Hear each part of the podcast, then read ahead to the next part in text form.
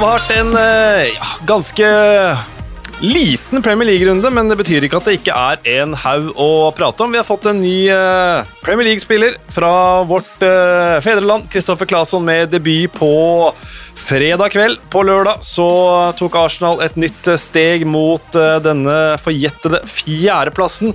Søndagen hadde to kamper. Den ble ikke like lang som forrige Brentford-kamp en av våre paneldeltakere hadde, men den, den, ble bra for Leicester. Og så et London-derby til slutt. Vi har hatt noen FA Cup-kamper som vi skal innom. Det har vært Champions League-trekning siden sist. Vi skal ha noen faste spalter. Og vi skal ikke minst ha en debut her i Premier League-podden. For uh, rett overfor meg nå sitter uh, mannen du kanskje kjenner fra Ventilen. Kan du være Norges mest kjente og største Brighton-fan, Magnus Drivenes? Ja, Det er ikke så mange av oss. Vi er vel drøyt 40 stykker i, i Facebook-gruppa eh, i Norge her, så eh, det kan være. drøyt 40? Det er ikke greit. Drøyt 40, det er bra. Tror 42 har det blitt, tror jeg. 42 har det blitt. Ja. Uh, apropos debuter, vi skal komme tilbake til det og deg også, Magnus. Du kommenterer også Premier League for TV 2, så det er ikke bare fordi du er Brighton-fan og er glad i sykkel vi har det her. Og den andre vi har eh, med oss, vi er vant til å se hans blide åsyn formidle Premier League-sendingene til oss, men i dag må vi nøye oss med å høre sola i stemmen din over fjellet, Jan Henrik Børsli. Velkommen! Takk. Tusen takk. Jeg har uh, mye bass i stemmen òg, så uh, sånn blir det når du sitter en hel helg, prater. Nå har ikke denne helgen vært så lang, men jeg har jobbet seks helger på rad. Så da utvikler det seg en viss bass i stemmen, men det får dere leve med.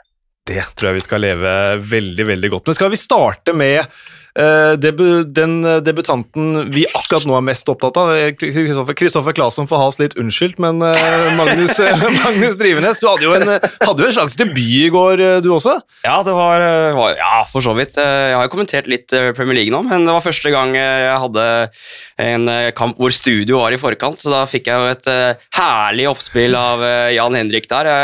Jeg må si, jeg var ikke helt forberedt på det, Jan Henrik, men det, var, det, var, morsomt, og du, du gjorde, gjorde, meg god.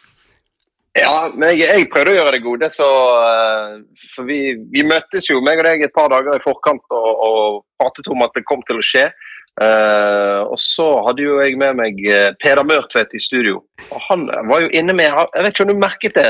At han var inne med en sånn en liten Ja, jeg hørte det. Ja, mente, mente at du var klapp bedre i forhold til sykkel. Uh, men uh, jeg syns du klarte det veldig veldig bra. da. Ja, det var en bra kamp, da. Nervøs. Du var litt nervøs da vi snakket tidligere i uken. Nei! Du var ikke nervøs. Jo, jo, jo. jo. Nei, nei, nei. nei, nei. Er, uh, vi skal ikke snakke for mye sykkel nå, men er det Catalonia Rundt som eh, ruller i gang nå, Magnus? Ja, det ruller i gang i dag. Så på TV2 Hovedkanalen hver dag denne uka klokka tre mm. så skal vi følge Uno X og de andre norske rytterne mot uh, verdens beste syklister i Catalonia Rundt. Det er første gang de prøver seg i et etapperitt, så det må jeg bare anbefale alle å få med seg. Litt skamløs selvpromotering, det får uh, holdes uh, unnskyldt her. Vi kan, uh, vi kan starte på, på, fredag, vi, uh, Jan Henrik. Wolverhampton Leeds 2-3. Det ble jo etter hvert en ordentlig spinnvill kamp. Hva sitter du mest igjen med etter den? Oh, alt. Det var, jo, det var jo helt vilt. Det var Jeg kalte det en Premier League-klassiker etterpå. En sånn kamp som du kommer til å huske. Eh, blant alle kampene du ser. det var en match som snudde. Jeg husker Leeds begynte fantastisk. Så overtok eh, Wolverhampton initiativet i, i, kampen. Skåret disse par målene sine. Leeds sine spillere som datt som fluer. Tre mann byttet ut i første omgang. Manglet Rafinha allerede inn til kampen. Sorry, Bamford. Hvem skal skåre målene? Det er jo ingen som kan skåre i, i det der laget når de guttene er ute. Og så ryker Melier rett etter eh, pause der. Og, og, du tenker at de er helt sjanseløse. Claesson kommer inn. Og, og, så er det jo denne utvisningen. Jimenez. Mm. Som, uh, som, bare er vendepunktet igjen i, i kampen. Og så, og så, er det jo liksom ikke gjort. Vi satt i studio. Um, meg og Erik sa det i hvert fall. Uh, dette her, uh, dette her tar dette her tar uh, Wolverhampton likevel. fordi de er så bra organisert defensivt. Så De åpner seg ikke opp. Og Leeds mangler målskårere, så de skårer ikke mål. Og Når det snur og, og ender opp i 3-2, så, det, så er det en Premier League-klassiker. Det var fantastisk gøy. Og Vi hadde med oss Erik Bakke i studio. Han hadde jo nettopp vært borte i Leeds. Eh, pratet med folkene der, fortalte litt gode historier fra, fra innsiden om eh, han sportssjefen hadde bare tatt helt fullstendig av når de vant den kampen mot Norwich. Mm. Det var dårlig stemning etter tap mot Esten Villa, det var piping. Eh, Jesse Marsh, som er kommet inn og blitt den nye sjefen, han, eh, han, fikk det i trynet med en gang, det som Bjelsa aldri fikk. Sant? Kjenne på den misnøyen fra tribunen og, mm. og føle at han er under press allerede. Så fikk de seieren mot Norwich, de her jubelscenene da, elleville. Og så, og så er de egentlig så er de egentlig helt ferdig. Jeg tror ikke det er noen som tror at de kan komme tilbake i den kampen mot Wolverhampton. De ligger under 2-0 og de har mistet en haug med spillere. og Det er bare fullstendig på tannkjøttet. Du tenker at det kan forplante seg videre inn i, i slutten av sesongen. Sant? Nøkkelspillere ute. Hva, hva, hva, skjer nå? Og så kommer de tilbake. Det, det er sensasjonelt. Og så For Leeds-fansen så må det da bare ha vært helt, helt episk. Ja, Vi så jo altså, langsiden med, med Leeds-supporterne gikk selvfølgelig bananas. altså De seks poengene de har tatt på den, du nevner den kampen mot Norwich også, Jan Henrik. altså Det er to overtidsseiere på rappen nå. De seks poengene der utgjør en enorm forskjell, for nå er det jo syv poeng ned til, til Watford og litt pusterom for Jesse Marsh. Får tid til å jobbe seg litt inn i landslagsoppholdet her, eh, Magnus. Eh, jeg vet ikke om jeg er litt ufair med deg nå, men den, det røde kortet til Himinez, eh, har du sett det? Det, så det har vært litt delte meninger om han burde vært, fått det røde? Ja, det er jo det er to gule kort. Jeg syns jo det er helt mm. riktig, egentlig. Og jeg hørte litt på intervjuene i etterkant, og Wolverhampton mente selvfølgelig at det var urettferdig, og Leeds mente at det var helt rettferdig, men det er jo sånn fotball er. To mm. gule kort er, er rødt, så det er jo det som er vendepunktet i kampen. Mm. Og etter det så er jo Wolverhampton helt i oppløsning. Mm, ja, de er det. Og de er litt i om ikke oppløsning, så, så et, for, Det er gått en måneds tid siden Jan Henrik, vi snakka om at Wolverhampton var en outsider til topp eh, fire. Nå er de mer eller mindre en outsider til topp uh, sju. Er det rett og slett bare begrensningene til dette Wolverhampton-laget vi har, som har kommet til syne de siste ukene, sånn som du ser det? Uh, ja, så Vinner de den kampen der, så har de tre strake seire. De hadde jo en dårlig periode, men syns de var på sporet igjen. og eh, Det er jo kvaliteter i laget. Og så er det jo altså, eh, det er når, når Ruben Neves går ut med skade der, så, mm. uh, så da skjer det noe. Så For Wolverhampton sin del så er jo også det et vendepunkt. for jeg tror Med ham på banen så tror jeg selv med ti mann at de hadde vært mer motstandsdyktige, mer solide defensivt.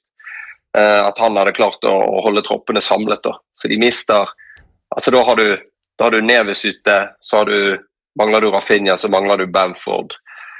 Så når Jimenez i tillegg ryker ut, så er det klart da, da, da, er, da er, du på tannskjøttet, For da mangler du såpass mange av de aller, aller beste eh, ledertyper. Så jeg tenker Hadde Wolves vunnet den, og de var på vei til å vinne den, og de burde jo egentlig vunnet den. Hadde ikke Jimenez røket ut der, så hadde de vunnet den. Mm. Og de hadde sannsynligvis vunnet komfortabelt. Da hadde de vært på 49, da hadde de vært foran West Ham, og så har de vært ett poeng bak eh, Manchester United. Mm. Så jeg syns egentlig Wolverhampton har vært eh, Jeg syns de har vært bra, jeg. Jeg syns de innimellom kanskje de har vært litt, litt kjedelige fordi det har vært eh, få skåringer involvert i kampene deres, men, men ja. Og så er det Det skal godt gjøres, da. Du ser på, hvis du ser på tabellen nå, hvem er topp seks? Det det er City, Liverpool, Chelsea, Arsenal, Tottenham og Manchester United. Eh, det er, jo, det er jo det man i utgangspunktet forventer fra ja. Premier League. Og, og, og, sånn blir det jo, sånn blir det jo ofte. Eh, sammenhengen, mellom, sammenhengen mellom resultat og økonomi. Eh, om ikke den er helt sånn spot on på de topp seks, men, men, det er vel de seks som, som har mest. og så har selvfølgelig Newcastle fått eh, et eller annet ufyselig påfyll der. Så men eh, ja. Ja, jeg syns jo egentlig at uh, med Neves ut der og Trincao som kommer inn, han bruker ett minutt på å få målpoeng der.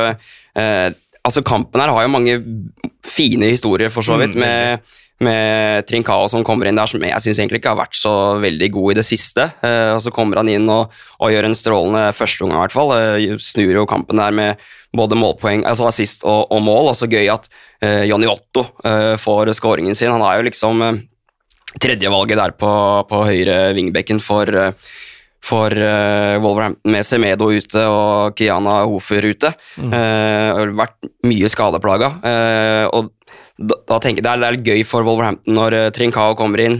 Johnny Otto skårer, Trincao får en skåring, han også. så det er klart at det er synd at de mister Ruben Neves, men i første omgang så ser det jo veldig bra ut for Wolverhampton, fordi de spillerne da som stepper opp når det blir skader, de, de gjør, det, gjør det bra. Eh, og så er det det røde kortet som blir, eh, blir vendepunktet, vendepunktet. Mm. Ja, så tror jeg, eh, og jeg er helt enig i det. Det var, det var kult med Trincao. Så lenge Trincao kommer inn og det er elleve ulver utpå der, så er det én ting. Men når de er ti, når de er redusert til ti, når de trenger rutine, når de skal samle seg og spille mot elleve, så tror jeg bare at savnet av Neves var, var helt tydelig utpå der. Og så har jo José Sa vært veldig veldig god i årets sesong. og det han holder på med, er det 2-2-målet der? Eh, hvor han bare er helt ute og, og sykler. Det er jo, eh, det, ja, det er jo helt rart å se på. Ja, det var veldig rart. Torstvedt satt i studio og liksom hva er det som skjer? Han måtte inn og se det en gang til. han, begynner å spasere sånn, ha småjogg for seg sjøl. Eh, det ser ut som han bare glemmer at han er, at han er fotballkeeper. Så, og i tillegg så var jo det vår venn eh, vår venn eh, Bolly bak i eh, midtforsvaret der, at, at, han var på banen i 90 minutter, var noe en gåte.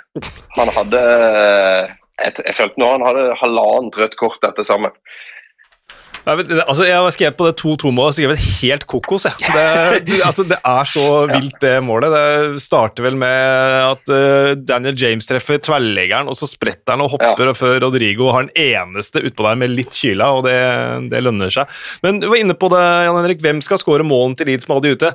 Hvem er det som trer fram? Det er kaptein Luke Ailing. For en match ja. han leverte, altså. Ja, han var veldig god. Og den, jeg vet ikke, han Fikk med dere den feiringa hans? Så dere den? ja, ja, ja.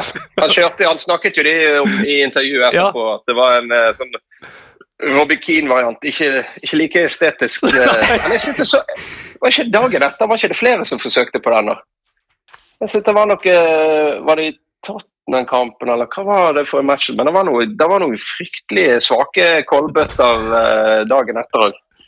Så jeg vet ikke om det der er noe som har har eh, forplantet seg i systemet. Men uh, Eiling, ja, det var en nydelig feiring. Det var, det var en utrolig smart skåring.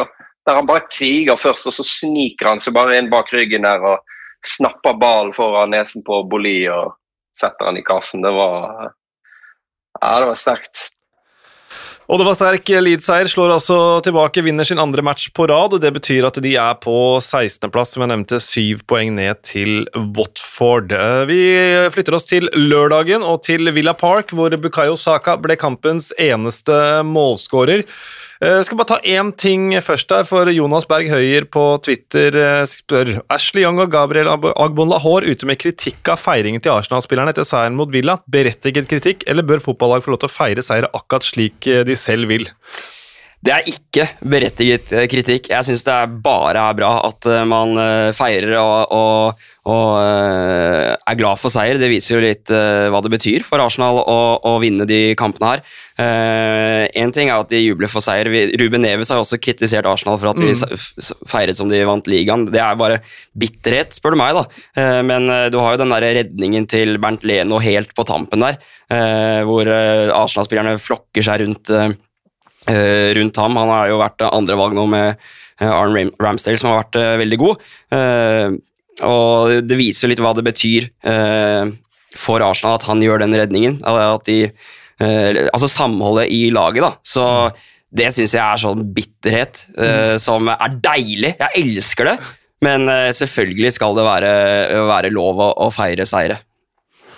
Ja, jeg, skjønner ikke problemstillingen. Uh, av og til lurer jeg på hvor, hvor, verden er på vei, men Ja, men det er liksom Om noen skal henge seg opp i det, så da ja, men, det, men det som jeg syns er, er kult da, Jeg var på jeg var på, eh, eh, Emirates, så Arsenal mot Liverpool.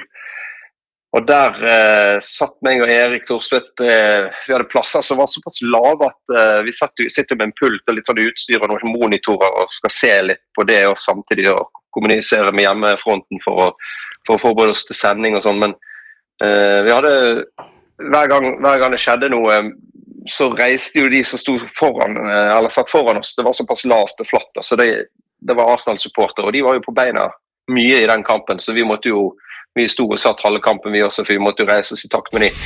Men eh, da tok jo Liverpool ledelsen, og da gikk det Da går det 20 sekunder med skuffelse, men så reiser de seg, da. Og så er det full applaus. Og det samme på, på den andre goalen. Og, og, jeg har vært på Emirates mange ganger eh, over ganske mange sesonger nå. Eh, der har det vært en giftig stemning. Eller det har ikke vært stemning. Den atmosfæren som var der, var veldig bra. Eh, og jeg tror jo at det der å juble og feire etter kamp eh, er også et bevisst valg fra Arteta. For han har jo adressert det. Vi trenger å få kontakt med fansen vår. Eh, og, og, hva vil du ha som eh, supporter? Du vil jo se at det betyr noe for uh, spillerne dine. Du vil jo se at, at, de, at, de, er glad, at de går sammen, at de kommer bort. At, de, at, dette, her uh, at dette, er, viktig. Uh, og du vil se det samholdet. Det er det som, som supporter får deg til å tro på laget som er utpå der. Og, og, tro på prosjektet til Arteta som er utpå der. At dette er en gjeng som drar i en retning. Og at de også vil ha supporterne med på det prosjektet. Og det synes jeg det synes jeg viser seg, for dette, dette, har ikke bare vært en enkel sesong for Arsenal. De startet sesongen med, med tre strake tap. og, og, og de, jeg skal kalle det, de mest ekstreme Arsenal-supporterne er ganske sånn kjapt ute og, og kvesser knivene og, og, begynner å lure på om ikke han må vekk også. Så um, jeg tror bare at det der er sinnssykt viktig sånn indremedisinsk, både i laget og gruppen, men også i forhold til kontakt med supportere. Og så er det jo også litt sånn at eh, Arsenal har ikke den Eh, store ledestjernen, denne enorme profilen som f.eks. United har med, med, med, Ronaldo Bruno Fernandes osv. Så, videre. Eh, så det er på en måte ingen som blir en sånn tydelig syndebukk i en sånn tap mot, mm. uh, mot uh, Liverpool. Uh, de fremstår mer som et, et kollektiv. og det tror jeg har litt å si på hvordan man, man, reagerer både på tap og på, på seire. Mm. At Eh, som jeg sa, men eh, feiringen rundt Leno, når fløyta går og de, de tar den eh, Og han redder den, den headingen, eh, så er jo det eh, Det sier jo litt om, eh, om den mentaliteten da, som er i, i, laget. At det er først og fremst et lag nå. At Arteta begynner å få god kontroll på garderoben. At det kanskje er bra for Det virker som det har vært bra for alle parter da, at Aubameyang har forlatt, forlatt Arsenal. Ja, og Der har jo Arteta tatt grep. og du, du, var inne på den stemningen på Emirates. Jeg var der i fjor høst Jan Henrik, på Crystal Palace-kampen hvor de redda et poeng i siste minutt, som, som, om ikke var et vendepunkt, så var det i hvert fall ekstremt viktig. og Da var det jo før kampen sånn ja, vi ansatte feil tidligere spiller, liksom, fordi Patrick Veira var på besøk. Uh. Men, uh, men, Arteta, altså Du nevner Aubameyang, Magnus. Han har også kvitta seg med Guendouzi, som var sånn der, uh, en bra spiller, men et uromoment. Uh, Martinez var ikke noe problem, men han kvitta seg med et problem da han solgte Martinez, for da hadde han et klart førstevalg. Så, så det kommer helt sikkert til å få Arteta den honnøren han fortjener, og sånt, men han er jo virkelig i ferd med å skape noe, noe, spesielt på Emirates, eh, sånn som jeg ser det. i hvert fall. Ja det er helt, helt åpenbart. Jeg har, jeg har, tenkt det lenge og sett det lenge. Jeg merker jo eh, altså, Kanskje de, de hos oss og våre eksperter som er aller mest fotballkompetent i den forstand at de har vært med på trenerting eller spilt på høyest nivå og sånt, har sagt det ganske tidlig at de liker det de ser av han, av, av personligheten hans. og jeg liker jo å sammenligne altså Jeg ser jo Petter Myhre sier og, og, og, det har han kanskje helt rett i. Han sier at hvis du står i teknisk sone på en fotballbane og, og, hyler og skriker og peker og gestikulerer og herjer, så du når ikke ut, eller spillerne hører deg i hvert fall ikke, da. Uh, og det er nok rett når det, når det koker med 50 60 70 000 tilskuere på tribunen. Men eh, jeg, jeg, jeg, jeg, var på Manchester-derbyet. og satt rett bak eh, managerboksene. Altså, og Da er Pep Guardiola nede i teknisk sone på én måte, og så er Ralf Ragnhild nede i teknisk sone på en annen måte. Og Jeg foretrekker jo Pep Guardiola-måten. og jeg ser jo og Det er fordi det er så innarbeidet i, i hele hans væremåte på trening og i garderoben og på, på kamp, Spillerne forventer det av han, og spillerne ser ut der. og Han kommer, han når frem, han er i kontakt, han klarer å formidle budskapet. Men han har et engasjement som ikke er til å ta feil av på sidelinjen. der da. Og det, eh, det, samme så jeg med og Nå har selvfølgelig Jørgen Klopp mye av det også. Men jeg så jo det med Arteta da vi satt der på Emirates på, på Arsenal-Liverpool. Arsenal var gode i den kampen. Smart første omgang, god gjennomføring. Starter veldig bra i andre omgang, går i angrep, skaper sjanser. Har rett og slett eh, momentum. Martin Ødegaard kan sette den i kassen, og så er det, så er det en helt annen match. Kanskje de komprimerer og, og holder seg mer samlet etter det og vinner den kampen. Men Arteta var på, da. Og Arteta er på når han er i teknisk sone. Og, og, det er jo sånne ting som smitter. Det smitter, det smitter for spillerne å se at han fyren der ute er med i kampen og spiller kampen. Akkurat som når Antonio Conte. Altså noen sånne folk. Jeg foretrekker den greien der. da. Mm. Jeg liker at det må være noen som gjør det. Og jeg syns det er kult når, når, når, sjefen er den som gjør det. At han er med der ute og spiller kampen med deg. Nei, Arsenal de har jo nå altså fem strake borteseiere. Det tror jeg er første gang siden mai 2015, og de er på stø kurs mot, uh, mot en uh, topp fire for første gang siden Wenger i 2016. De har tre poeng ned til Tottenham, fire poeng ned til Manchester United og én kamp mindre spilt enn de to. Og så har de bare fem poeng opp til Chelsea, som de også skal møte, så kan bli en veldig veldig fin vår for Arsenal-fansen. Det blir det nok også for Aston Villa-fansen, selv om den her var skuffende. og Det, det ble vist på TV 2, det intervjuet med Steven Gerrard, gjorde det ikke det? Jan ja, ja, ja. det, var jo, det var jo eh, hovedingrediensen eh, hele, rundt hele matchen, egentlig det intervjuet med Steven Gerrard. Jeg tror det ligger på, det ligger på TV2 ennå. Det må bare ses. Men eh, da var det frem med uh, popkornet. Da satt vi der. Vi hadde, vi hadde jo Johan Golden i studio òg. Og, og uh, meg og han og Erik og han sperret opp øynene, og vi satt jo bare Hæ? Nei! Gjør han dette? Og så bare fortsatte og fortsatte og fortsatte. og bare med det der uh, Liksom holde masken, sto og smilte og sånn flirte, men, men inni så bare kokte det, da. Mm. Og, og, og, de tingene som kom ut av gapet på han, det var jo bare at han som står der og gjør intervjuet. Du har ikke peiling, og du må, du må bare komme deg herifra. Så Å, det var Ja. Det, det, det, er ubehagelig, men, men det, det, er behagelig når det er litt ubehagelig. Ja, jeg syns det, det, er veldig gøy når man er litt sånn spydig og frekk i i miks mix eh, sånn der. Jeg har jo vært uh, reporter og journalist selv, så jeg vet jo at det er litt vrient noen ganger å, å stå der og, og, stille spørsmål sånn mm. på, på, direkten, og når folk ikke gir uh, helt av seg selv eller det du vil ha, da, og du blir satt litt sånn blir sagt litt imot, så er det da, da begynner, begynner å pumpe i, i, hjertet, vet du. Uh, men uh, jeg syns Gerard han gjør det med litt klasse, da. Sånn på når han er ferdig med intervjuet der og ler og smiler og handshake og, og hele pakka. Så da, han redder seg bra inn uh, sånn fra et jeg ser det også litt fra han, reporteren sitt, sitt perspektiv, men jeg syns det, det, var en fantastisk seanse, og det, det, viser jo litt at det skal være litt sånn når man taper en fotballkamp, at man er litt, litt bitter, men tar det med humør, da. Han sier jo det rett ut. Det, det, det, er, føl, det er, masse følelser her nå, sier han. Mm. jeg står og kjenner på det, og, og, du står og sparker inn åpne dører og forteller meg selvfølgeligheter som jeg er fullstendig klar over. Mm. Jeg, vet at, eh, jeg, vet at, det er langt opp til de der beste lagene. og det var sånn ja, han, han, blir irritert, uh, og så klarer ikke han å holde kjeft om det. Og, og, og sånn skal sies. Uh, jeg forstår ofte manageren, og du ser av og til på pressekonferanser og Det er jo alltid de tingene som blir plukket ut, luket ut, og som blir overskrifter og som går viralt og på sosiale medier og på nettsider rundt omkring. Det er jo når, når det skjer noe som ikke er ventet, eller når en eller annen ikke orker lenger å høre på, eller en eller annen journalist klarer å komme inn under huden på en. Og, og ofte er det fordi at, og det må bare sies, der borte, eh, en del av de som sitter rundt omkring og, og stiller disse spørsmålene, jeg kan forstå frustrasjonen. For seriøst, det er, er, noen folk som rett og slett ikke har peiling på fotball i det hele tatt, og skal sitte der og, og grave i materien eller komme med sånne late som de har peiling-innganger eh, på spørsmålene sine. Ja, ja, for det, at det, det, Steven, det er sikkert Steven, altså, Nå er ikke jeg enig i hodet til Steven Gerrard, åpenbart, men uh, at uh, det skal trekkes paralleller til liksom, de som leder Premier League for Aston Villa, som lå på 16.-plass da Gerrard tok over. Ja. Det er jo forståelig at han bare åh.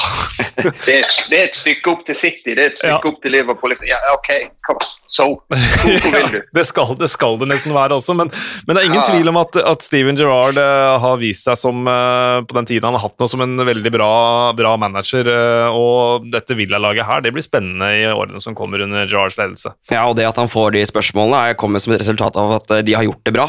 Eh, De hadde jo tre på rad der med 9-0 i, målforskjell før de møtte, møtte Westham, så på, på en måte så er det jo litt hans egen skyld at han har satt seg selv i den situasjonen, for at de har gjort det så bra eh, og spilt underholdende offensiv fotball. Coutinho har vært, eh, vært veldig god, og mot Westham så kunne, var det like gjerne Aston Villa som kunne hatt den første skåringen der, og så får Westham den, og så åpner det seg opp, og så får de en kontring og inn eh, 2-0 der. Så det er jo marginer. eh, Så eh, Aston Villa ser ut som et helt annet lag, lag nå etter at eh, Steven Gerrard eh, tok over.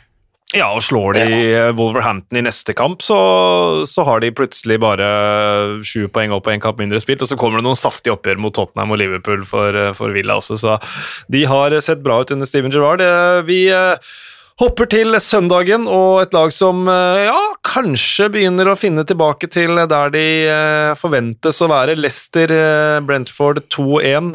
To eh, vanvittige goller du fikk eh, servert der, eh, Magnus. Det var vel eh, ålreit å få kommentere rakett 1 og 2. Ja, det var, det var veldig gøy. Eh, Spesielt den første eh, er jo, er jo gøy. Man vet jo når det er frispark og James Madison, så, så kan det bli det helt store. Men eh, når Timo Timothy Castagne, venstre bekken, eh, får ballen på hjørnet av 16-meteren der og det bare drar den ut og, og smeller den i krysset, det er, det er jo helt eh, vidunderlig. Eh, så det er klart det var morsomt å kommentere. Morsom kamp å kommentere. Det var ganske mye fyr, uh, syns jeg. Eh, og fine skåringer. Eh, bra trøkk. Uh, eh, rett og slett uh, veldig gøy. Spesi ja, men uh, høydepunktet var, eh, var 1-0-skåringen, altså for min del. Ja, helt enig. Og, og det som var gøy å se, var jo reaksjonene til eh, noen av lagkameratene. Det var jo bare helt eh, når Barnes han dytter jo ballen bare ut så, og overlater den til hva og tenker ok, nå får vi prøve å rulle opp litt og se om vi kan spille de og se om det kommer en åpning eller noe sånt. Når Kastanje bare går inn og klinker den i krysset, så, så går det sånn tre sekunder, og, og, og Barnes bare står der før han bare tar begge hendene og legger dem på hodet i, i, i sjokk. da. Hva i alle dager gjorde du nå? Og, og Tilemann, så, så står der når de samles og, og bare står og står nærmest hånler eller skrattler av det. Bare tenker, Det der er jo bare, det der er ikke noe du driver med. Men eh, ja, det var et fantastisk eh, øyeblikk. Og det tenker jeg òg, Magnus, må være som kommentator. da. Vi snakker jo ofte om eh, hvordan skal vi kommentere kamper og sånt. Sant? Hva, er det, hva er den riktige måten? Og, men det der å generelt, da, det der å leve med fotballkampen og leve i øyeblikkene. Og noen ganger så har du lov til å bare gå bananer. sant? Og det, det tenker Jeg jeg har aldri kommentert en fotballkamp, men det må være befriende. For det er et sånt øyeblikk hvor du kan bare miste deg sjøl litt. sant? Sånn som Øyvind med, med Aguero, Aguero, Aguero og det der elleville koket. Det, det er ofte da den spontane eksplosjonen det er ofte da de kuleste øyeblikkene oppstår. da. Så Også fra kommentatorplasser. Det, ja, det, var, det var rett og slett uh, utrolig fett. Og så var det jo litt kul eh, dramaturgi rundt skåringen også, at eh, Kastanje har vært skada nå i eh, ja, nesten tre måneder eh, siden romjulen der, og så eh, kommer han tilbake og bruker er det 20 minutter på å presentere seg for hjemmepublikummet på, på den måten. Eh, så det, var, det var mye som var gøy med, med akkurat den skåringen. Ja. Så, ja, så sto Madison i intervjusonen etterpå og sa sånn Ja, nå sitter sikkert Kastanje og sier at han gjør det der på hver trening. trening. Det gjør han ikke, sa Madison. Så, så, så, så da ljuger han. Men, eh, men, men James Madison nå, altså det er, en sånn type som sikkert noen har oppi halsen når han går rundt med denne Gucci-bagen sin, eller hva det er for noe, Dolce Gabbana, eller sekken er det vel. Eh, Men, men, men allikevel, altså, når han står i intervjusonen etterpå og gliser fra øre til øre og sier at ja, som en liten gud fra Coventry så sto jeg på treningsfeltet og skøyt som Beckham i Premier League, nå gjør jeg det samme, liksom. Han, jeg klarer ikke la være å bli glad i James Madison, jeg, altså. Nei, helt enig. Og det, det, er jo, eh, det er jo akkurat det han gjør. Han, han, han har samme fris, eh, frisparkteknikken som så David Beckham. Jeg husker, jeg er jo et par år yngre enn Beckham, jeg spilte jo fotball sjøl. Jeg, jeg, drev jo og øvde på det der. Først så, For min del så var det først Maradona sin frisparkteknikk eh, som var det du gikk for. Men så, så kom jo David Beckham, og uh, jeg husker jeg øvde på det tilslaget. Jeg, uh, denne Ronaldo-teknikken kom jo først, kom jo først seinere. Men uh, jeg synes det, Du har Madison, og så har du Ward Prose, da, som driver mm. med, driver med de greiene der. og det, det er utrolig kult. Han Anders Giske som har landskamper for Norge og spilte i Brann og var i Köln. og Han har skrevet en, har skrevet en sånn der, eh, fagoppgave på tilslaget til David Beckham. Så det er jo, det er jo noe der. Men eh, du må jobbe for å, for å, få det. Men det er åpenbart at det funker fortsatt. Det er det. For, eh, for Brentford sin del så, så, ble dette her tap. Thomas Frank sa vel etterpå at tre av de fire måla Leicester har skåra mot oss, har vært worldies, så eh, da kom jeg til å tenke på den eh, til Tielemanns på Brentford Community-serien, Så han har jo rett i det, men de, de spilte en god kamp, dog uten en covid-syk Christian Eriksen. Ser ut til, etter den seieren mot Burnley, å styre inn til, til ny plass. Kanskje litt spesielt for Kasper Schmeichel her, han må jo ha følt at han spilte mot sine egne, egentlig, men Ja, bare, bare dansker på banen i går. Og Schmeichel var god god. Mm. Han var uh, veldig god, holdt uh, Leicester inne i, kampen der. og uh, Brentford, spesielt i andre omgang, har jo mye av spillet. Mm. Spiller jo egentlig en bra kamp og har, flere, har mulighetene til å skåre før de, før de skårer. Også skåringen til Wizza er også ganske bra, vet du. Ja. Så det var, det var de flotte skåringenes aften i, i, går på King Power Stadium. Men Brentford syns jeg ja, de, de de, var, eh, de spiller ikke en dårlig kamp, eh, det syns jeg ikke. Og de målene som blir sluppet inn, er ikke sånn Man får ikke gjort noe med de. Eh, og jeg syns Ayer også var, var, ganske god. Kjempebra på høyrebekken der med, med god offensiv og ganske trygg med ball og fint innlegg der til Var det Pontus Jansson som ja. hadde en stor, stor mulighet der. Så de, mm. de hadde sjansene. Jeg, jeg, vi satt og pratet om det i studio etterpå. Vi, vi, var litt oppgitt over Brentford. Vi var rett og slett eh, litt forbanna fordi at uh, Det var Yo som sa det. De velger, de velger, jo rett og slett feil inngang til kampen. De kommer med for mye respekt. De mangler Kristian Eriksen. og så, Vi så det på oppstillingen. Her er det en fare for vi sa det før kamp, her er det en fare for at de kommer til å bli for lave, for defensive. At avstandene opp kommer til å bli for lang. At han uh, Ivan Tony kommer til å, til å operere i et sånt her hav for seg sjøl der. Det var akkurat det som skjedde. Og så viser andre omgangen at de hadde ikke trengt det. De, de, de, kunne hatt mer tro på egne ferdigheter. De hadde hatt mer å fare med. For i første gang så har de ja, de, har, de har jo faktisk eh, en svær eh, mulighet, men, men, det er langt opp for dem. I andre gang så kjører de på. De vinner jo den expected goals-statistikken. De har jo flere store sjanser. De der målene som Leicester skårer, er jo det er jo fra utenfor boksen, og utover det så, så er det den svære sjansen til Inacho som, som Leicester har. Mm. Men uh, Brentford har mer, og de, de hadde, hadde, de stolt mer på, på, egne ferdigheter Jeg tror i hvert fall at de kunne tørt å møte Vi skjønte jo tanken, ligge lavt, ligge kompakt. Kanskje det holder. For Brentford ville ett poeng vært gull i en sånn kamp som det. Men, uh, men andre omgangen viste jo at, uh, at de var fullt på høyde med Leicester. og at de hadde gode ballferdigheter i laget, at de kunne skape sjanser, at de også kunne skåre mål. Så, og Aya var helt enig. Aya var, det var gøy å se hvor, hvor bra han var fremover i banen. Svære mann så helt oppe og drar av og chipper liksom innlegg perfekt på, på skallen til Pontus på baken der. Jeg synes vi det var sånn, fuck, denne kunne, her, kunne, her kunne de tatt poeng. Her kunne de kanskje vunnet. Men de endte opp med å vinne expected goals og tapte matchen. ja, som Brighton-mann så vet man jo alt om uh, hvor lite troverdig den der expected goals-statistikken uh, er. ja, men de hadde, Du var inne på det. det Schmeichel, var god, hadde noen, noen gode redninger. Og, og ja, men Brighton det er et eget kapittel. Du får ikke lov å trekke det inn her. Skal få din Brighton-taletid etterpå, Magnus. Vi må ta den siste kampen som eh, var denne helgen. Det var ikke noen hvilken som helst kamp. London-derby på Tottenham Hospital Stadium. Tottenham-Westham 3-1. Eh, Harry Kane med et slags hat trick med assist, i og med at han var nest sist på Zumas selvmål også. Kane-sånn-kombinasjonen den har vi snakket mye om, men det viktigste her Jan Henrik, for Tottenham var at de klarte å bryte denne annenhver-rekka si. Nå vant de to på rad. Ja, men eh, gjorde ikke de det Gjorde ikke de det forleden også? Ja, det er altså, godt mulig. Til, Ja, men Statistisk eh, sett det vil si at de gjorde det jeg tror fordi at kampene er satt opp i, i rekkefølge av hvordan de skulle blitt spilt når vi ser på, på terminlisten. Så, men de har, eh, de har vunnet fire av de siste fem. da. Så ja, hva skal jeg si. Jeg, jeg Conte pratet jo mest om tapet mot Manchester United i intervjuet etter kampen. Og Den irriterer han nok noe voldsomt. Han følte de burde vunnet den.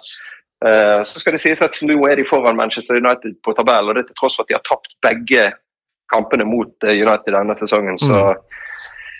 jeg syns Tottenham ser bra ut. Jeg syns Tottenham ser ut som de har det enkleste programmet igjen. Tottenham har fordel av Arsenal på hjemmebane. Manchester United har jo Arsenal på bortebane. Så ja, Vi skal kanskje komme tilbake til det etterpå, men jeg syns det jeg det ser ganske bra ut for Tottenham. Og i går så svingte det skikkelig. Uh, og Harry Kane er så god om dagen at uh, ja, selv om sesongen til Harry Kane ikke har vært den beste, så syns jeg de tingene Harry Kane har gjort nå de siste ja, de siste ukene, tre, fire, fem ukene, det syns jeg kanskje noe av det beste jeg har sett av Harry Kane. Ja, ja Kristoffer Fossum spør på Twitter Kane topp ti beste spillere i verden. Ja, ja, det syns jeg òg. Jeg, jeg, satt i går Jeg tenkte jeg skulle ikke utfordre dere så mye på det, fordi jeg ga meg sjøl betenkningstid, og da er det dårlig gjort å ikke gi det til dere. Men uh, så begynte jeg å tenke ok, hvem er det som er bedre? Og så De første som slo meg, var ja, Mbappé, Benzema. Ja. De er vel bedre. Lewandowski, Lewandowski er liksom men, men, altså det som Kane har, er jo altså Han er så mye mer enn en målskårer. Du ser det på mm. den der Det han gjør helt bevisst, de eh, fire touchene han har i forkant av uh, den skåringen uh, 2-0-gål, er det vel er sånn Det er så sinnssykt bra. Det er både det, den tekniske gjennomføringen, roen han har, og så er det observasjonsevnen, fotballforståelsen hans, og pasningsfoten, presisjonen, timingen. Jeg, jeg, kan sitte og se på det der om igjen og om igjen og om igjen. Når han vender seg rundt, bruker de tre touchene han trenger før han skal slå den gjennombruddspasningen. Det er akkurat så ja, Vi snakket om det, der, det vinduet som er der, som Yo eh, sa i studio. da. Den tiden du har for at den pasningen skal kunne slås mellom de to Westham-spillerne, den er akkurat der. Den må sitte akkurat der. Med Kane sine pasninger, legg merke til det. Enten det er diagonaler som han klinker 60 meter, eller det er den type pasninger som han slår med perfekt timing, presisjon, retning, vekting langs dørken og gjennom til sånn Det, det er fotballestetikk. Han, eh, det er ikke mange som gjør det. Det er rett og slett ikke mange som gjør det. Han er som en slags playmaker der. Han øh, er jo dypt i banen og, og, og, har på seg spillere og skaper rom for, for både Son og Kulisevskij der. Så øh, jeg er helt enig med Jan Henrik at øh, spesielt det han gjør på, på 2-0-skåringen, hvor han ja, de touchene han gjør i forkant der, det er, eh, det er vanvittig bra. Eh, ikke bare en, det, er jo, det er jo bare målet som mangler på gårsdagens kamp. Han var jo nære på ja. også, men ja, spesielt Playmark Ja. ja, jeg, jeg, jeg skal ikke si bare Ta det du, Jan Henrik. Nei, men det var, det, Han manglet bare målet. Han hadde jo denne enorme sjansen. Han burde jo hatt målet. Det var det eneste eneste sånn eh, ja, feilsparket han hadde i, i, kampen, så vidt jeg kan, kan huske. Men eh, ja. Ja, det var da, han, da, da kunne han jo ha dytta han videre til sånn, men det er jo forståelig at han, eh, han har lyst til å prøve sjøl. Hvis det er den samme vi ja. tenker på. Men, ja, han skulle brukt venstre, venstrefoten sin, ja. tenkte jeg. Ja, prøvde med utsiden av høyre. Det gikk ikke akkurat ved det tilfellet for eh, Kane, men, men eh, Conte var inne på det også, han også. Før, før han kom, så så, så, så topp fire vanskelig ut. Eh, nå ser det, ser det, mulig ut, så det er jo også en, en måte å, å, klappe seg sjøl litt på skuldra for Antonio Conte. All grunn til det. For, for Westham sin del så sa jo Moyes etterpå at de har hatt en kjempeuke, og det peiler jo selvfølgelig på seieren mot Aston Villa, og ikke minst at de slo ut Sevilla av Europa League. Og det er jo et Sevilla-lag som ligger på andreplass i La Liga. det er jo jo da per def bare Real Madrid som er bedre i La Liga enn Sevilla, så det er, det er knallsterkt altså, av, av eh, Westham. Eh, Nå så jeg vel på treet at uh, de skal møte Lyon, og gjør de det, så skal de møte Barcelona. Så det er ikke sikkert det blir noen spasertur til Sevilla og Europaligafinale, men, uh, men, men det Westham gjør igjen, er jo uten, uten, tvil imponerende med en syvendeplass på tabellen med det mannskapet som de jo har. Ingen nye inn i januar. Ja, og så har de jo litt trøbbel med skader og med Jared Bowen, som ja Eh, er ute. Han er en veldig viktig mann i det laget. Antonio er heldigvis eh, tilbake etter å måtte gå av mot, eh, mot Aston Villa, og heldigvis også Cresswell tilbake der. Så ja, de klarer seg for så vidt helt greit i går. Tottenham er bedre, men de har jo muligheter, de òg, og er jo med i kampen. Selv om det ser mørkt ut på, på 2-0, så svarer de og, og, har flere gode muligheter. Antonio var jo egentlig Han gjorde det litt vanskelig for Tottenham-forsvaret ved flere anledninger eh, i går. Så Westham, de, de, var, eh, de var de, Jeg syns de gjorde en eh, grei jobb, og det er ikke noe bare bare å komme til, til Tottenham der og, og, ta tre poeng. Eller poeng i det hele tatt. Og ikke minst etter at de har, hadde vært i Europa. Det sa jo Sånn sa jo det i intervjuet. Snakket dere om det? Snakket om, dere om at uh, de kunne være sliten? De hadde 120 minutter. Mm. De, var, de, var, godt møre. Den stallen har ikke den samme bredden, og de var på tannkjøttet. Og det så du. De sluknet fullstendig utover i andre gang. Det var, det, det var, noen, det var noen, sekvenser med det så ut som sånn Powerplay hvor de bare, Tottenham bare lå der og bare spilte frem og tilbake. og Det var det som endte med den store sjansen til Kane, når uh, Høibjerg bare dyttet den igjennom. Da mm. tror jeg de må ha hatt 40-50 trekk i laget og på siste tredjedel der hvor Western bare hang i tauene og ventet på at noen skulle bare sette kniven i dem. Og så kom den. Så uh, de, var, de, var, så møre på slutten, uh, og det var jo Det la forholdet til rette for, uh, for Tottenham. Men jeg skal ikke glemme det at og, og, og, der er jo Westham denne sesongen så er jo Westham et topplag i den forstand at de må gjøre det som de der andre foran på tabellen. og nå, nå har jo Arsenal for eksempel, vært, uh, vært heldig, og Tottenham vinner. altså når, når, du ikke spiller i Europa Det antallet kamper du skal spille i tillegg når du skal spille i Europa, enten det er Champions League, Europa League eller Conference League Det antallet kamper du skal spille i tillegg, den ekstra belastningen der da igjen, da er du på sånn to forskjellige idretter. Mm. Det, det, er en, det, er en, mengde som skal absorberes, og, og så du skal ha stall til å, å ta av. Og Westham har forsøkt på den øvelsen før og, og mislykkes totalt. Det gjør ikke de denne sesongen. De er der oppe, de er helt der oppe med de aller, aller beste. Og, og i tillegg så tar de seg videre i Europa.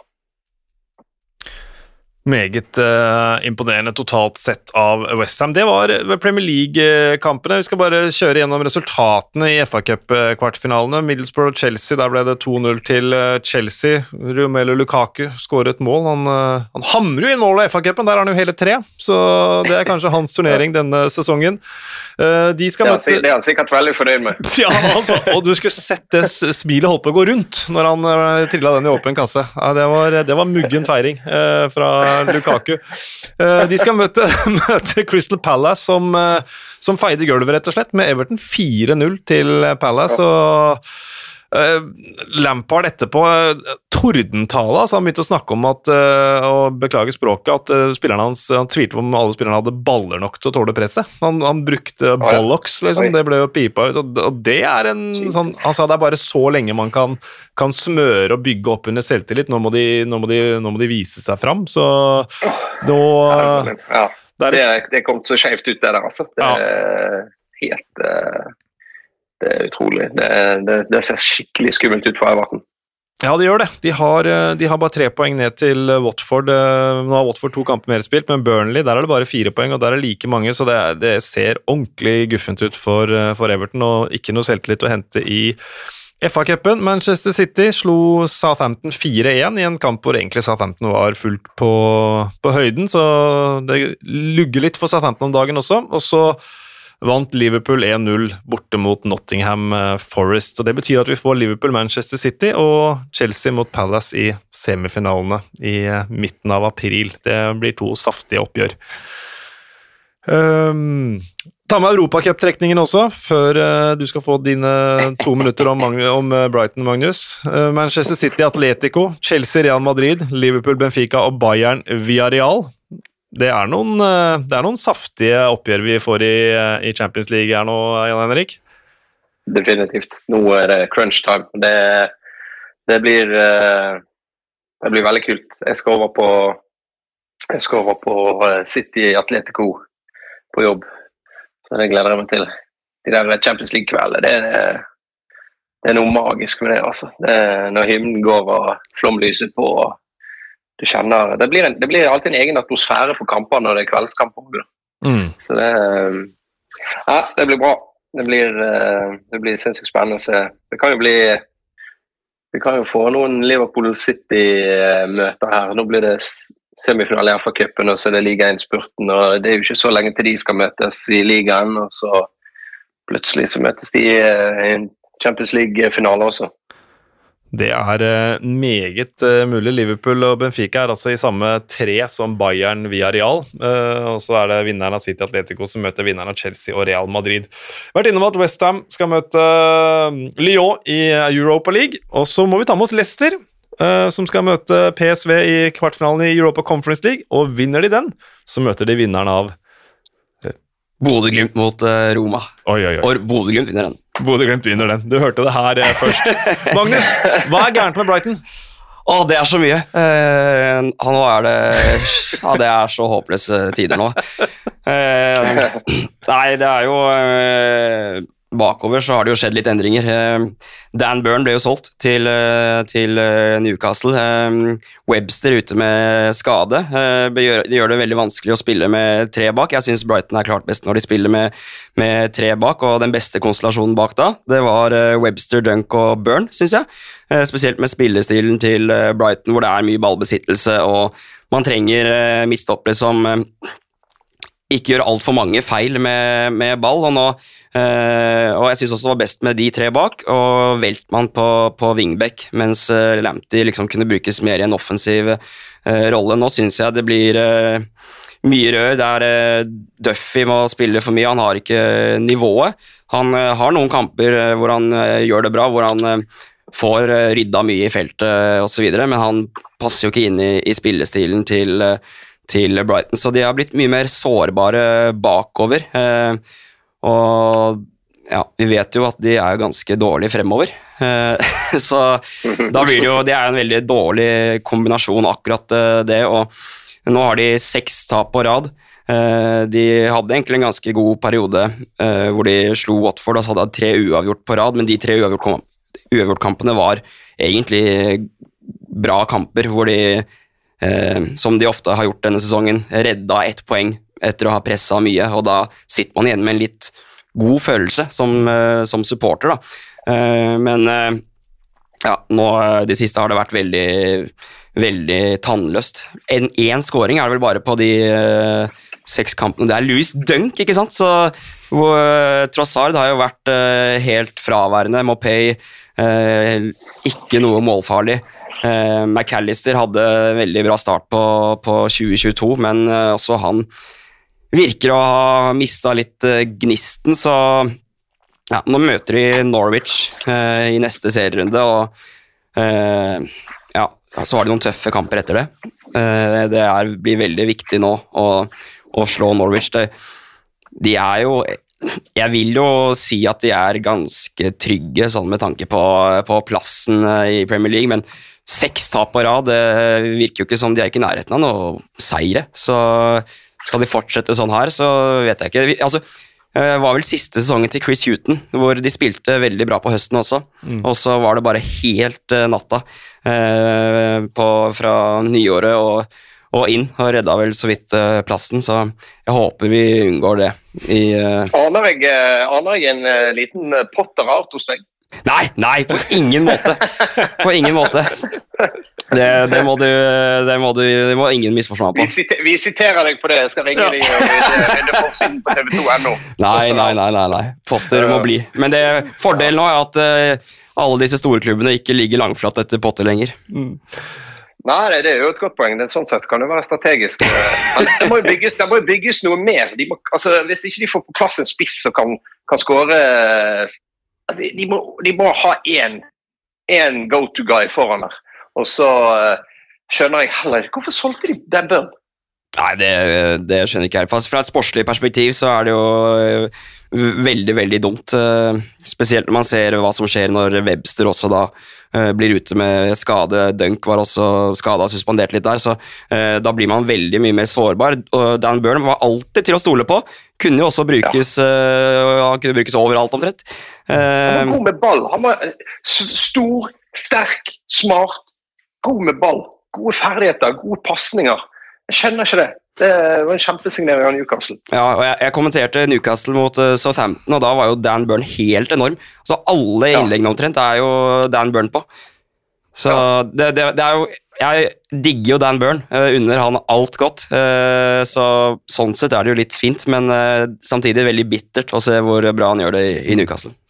Ja, det skjønner jeg. Ja, Dan Burn ville hjem, han. Han er jo fra nordøst, og da ville ikke Brighton stå i veien. så Det, det er grunnen til at de solgte Ja, ja. Fordi Brighton er, det er en hyggelig klubb, Magnus. Det er, det er, de er for hyggelige. De er, they're too nice. Ja, men det er Eh, fakta. Dan Burn ville hjem. Han ville altså fra Ja. solkysten med strender og, og, og god stemning og opp til No Man's Land i Newcastle. ja, det var, det var drømmen hans siden han var liten å spille for Newcastle. Så Ja, ja, men jeg kan skjønne det. Stor respekt av det. Var Ikke, det står ikke respekt av å gå til Newcastle lenger. Det gjør det faktisk ikke. Jeg, må, jeg det. Jeg trekker det. det, Da jeg var liten, så var det et sånn begrep som at du legger på en femmer, og så prater man eh, veldig lenge. Hvis noen lurer på hva det begrepet betyr, så bare hør på Magnus etter at jeg spilte han opp på Brighton. Da la vi på en femmer, og så fikk vi, fikk vi Brighton Nei, Magnus i Sorry, jeg skal ikke snakke like mye neste gang. Du, det, Ja, og så fikk vi jo overskrifter, ikke minst. Nettopp! Du skal ikke, bekla- du skal, du skal ikke beklage noen ting, Magnus. Det er bra. Vi la opp til, vi la opp til Smash, og du dunka til. Deilig. Ja, da snakker vi ventilering. Vi, vi tar noen eh, faste spalter helt på tampen her.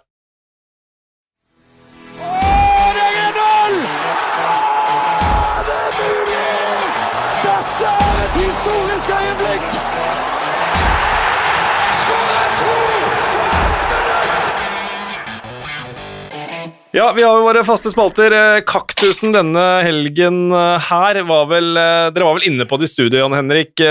Sånn som får fryktelig vondt av å få en ball på hælen, kan det være en åpenbar Ja. kaktuskandidat?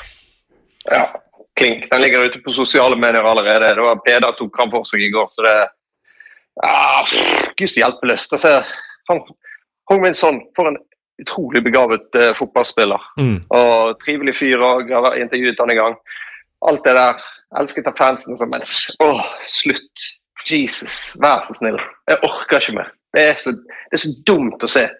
Svære, store, sterke, tøffe karer faller for ingenting. Det er patetisk. Det er så patetisk.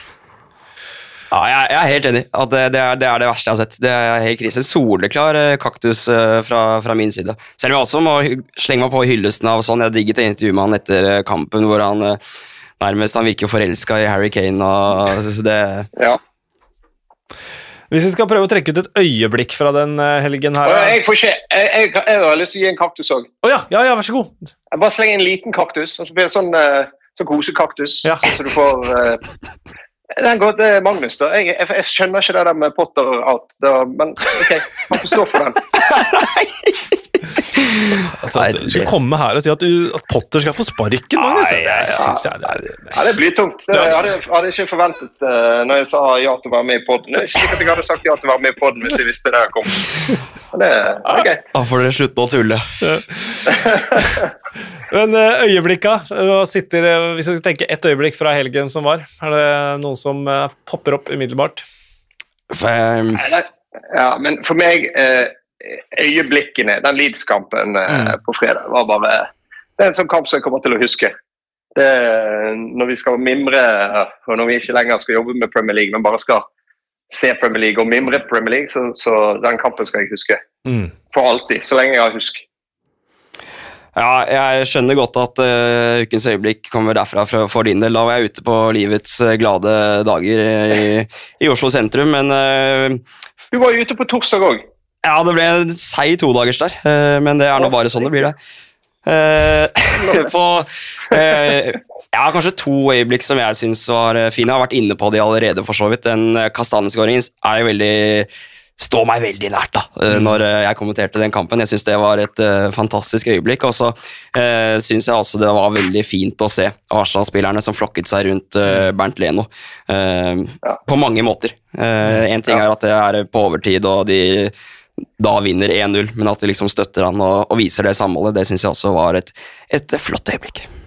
Ja, jeg hiver inn uh, denne Harry Kane-seansen som jeg snakket om i sted. for det, hvis, ja, det er jo det som er et øyeblikk. Det er jo, det er jo uh, Selv om hele Leeds-kampen er et øyeblikk òg, men, men den, eh, den seansen med Harry Kane, det, der, der ser du så mye som forteller så mye om at han definitivt er topp ti i verden. Mm. Så skal vi ha en, en, eh, en blomst her. Eh, noe som har gjort seg bemerka på en sånn hyggelig måte som fortjener en liten kvast. Jeg, jeg vil eh, gi min kvast til Magnus, som, eh, som har fått mye tyn nå i Mm. podkasten. Så i tillegg til kaktus, så får du kvast. Eh, men det var veldig det var, det, Du kan si hvor mye du vil at ikke du var noe nervøs for at du skulle endelig ha hovedkamp i Premier League. Eh, men jeg merket det på deg når vi sto og snakket her på torsdagen og vi hadde en liten sosial samling borte i Oslo. så pratet vi litt så, og du, Jeg merket du gledet deg, men jeg merket at du var litt nervøs. Og, og jeg syns du pratet jækla bra. Du er en god kommentator. Så du skal få kvasten av meg. Ja, Det var jo utrolig hyggelig, og ikke minst uventa fra den kanten. Så det, det setter jeg veldig, veldig pris på. Det var Takk for fine ord. Stort. Jo, velfortjent. Velfortjent. Da får du, da får du, da får du rett og slett blomsten, Magnus. Ja. du gjør det. Eh, du har ditt eget eh, sykkelshow. Du fikk eh, promotere Catalona rundt, og du får blomst. Det her blir jo en maksdag for deg. det. Ja, Eneste som mangler nå, er å promotere sykkelshowet. Er det ventilen heter? Det heter Ventil. Uh. Ja, uh, den uventa helten Det er ingen som er ukjente lenger. Uh, kan jeg få lansere Altså, i, den, altså, i det omfanget han eh, bidro, Luke Ailing, en uventa helt i Ikke fordi han ikke er en Ja. støttespiller i Leeds, men fordi han var involvert i alle skåringene. Han dro til med verdens dårligste Robbie Keane-feiring. Eh, han var eh, bare over ett og alt og, og dro med seg laget da de trengte det som mest, som en kaptein skal gjøre. Ja, Det syns jeg passer veldig bra. Og det er ikke venta at han skal eh, bli matchvinner på overtid heller, så jeg syns du treffer bra på definisjonen også, Espen. Bra. Jeg er med. Herlig. Da har vi en siste bitte liten kort ting. Det er en, en slags spådom som kan ettergås uh, før sesongen er slutt. Gjerne så fort som mulig. Uh, kan være et resultattips. Uh, hva som helst. Ja. Eh, jeg kan komme med en Brighton-spådom. Jeg tror de Nei. Jeg tror, jeg, jeg tror Brighton kommer til å gå ytterligere fire-fem kamper uten å vinne. Oi. på, på rad? Ja. Er det er sånn, en tapsrekke på ti? Nei, ikke nødvendigvis en tapsrekke, men at de ikke Ja, okay, vinner. uten seier? Ja. Ja, Da kan det hende jeg må bare hive på og følge opp og spå Potter sin eh, avgang. Nei. Men, eh, nei, nei, nei, det skal jeg ikke gjøre. Eh, jeg, skal, jeg skal melde at Tottenham tar fjerdeplassen. Tottenham tar fjerdeplassen. Eh, jeg har allerede tidligere i sesongen meldt at Aston Villa kom på åttendeplass. Jeg har nesten litt lyst til å bare gjenta det, for det tror jeg faktisk de gjør, men det blir jo litt kjedelig å gjenta seg sjøl. men uh, jeg tror ikke Chelsea kommer på tredjeplass. Nei. Nei. Du tror Arsenal gjør det, du? Det kan være, men ikke Chelsea i hvert fall. Det er så utrolig feigt. Ja, jeg, jeg vet. Jeg er helt enig. Jeg må si noe annet. Jeg må si noe annet. Jeg må si noe annet. Ja, kan- Ja, men du kan si, nei, men du kan si det, men da må du også si hvem du tror tar den tredjeplassen. Jeg veit det, men det er liksom andre som har meldt at Arsenal kommer på tredjeplass tidligere, så det er bare rett og slett dårlig forberedt her, Jan Henrik. Det er eh, rett og slett sløvt av meg. Uh, nei, jeg, eh, jeg tror eh, at uh, Skal vi se her eh, Norwich slår tilbake. Nei, det, det, nei, nei, nei, det tror jeg ikke. De møter jo Brighton i neste runde, så. Hør her, Crystal Palace, Ja. topp ti. Ja. Crystal Palace topp ti. Det får bli meg i dag. Det var eh, sånn akkurat passe feigt. Ja. Litt mindre feigt enn Chelsea, ikke nummer tre. Uh, ikke akkurat hodet på blokka. Uh, det får være. Vi får uh, takke moderne media som hjelper oss å lage denne podkasten. Gi oss ris og ros på Twitter og i podkastappen. Uh, Magnus Drivenes, en glede å dele podkaststudio med deg ja, nesten en liten time. Ja, det var veldig artig å få være her. Takk for det. Og Jan Henrik Børsli, eh, en nydelig seanse å ha deg med igjen over fjellet. Kanskje vi får det til enda en gang før sesongslutt? Ja, la oss gjøre det før uh, it's all over. Så, men uh, det var veldig kjekt. Takk for følget, folkens.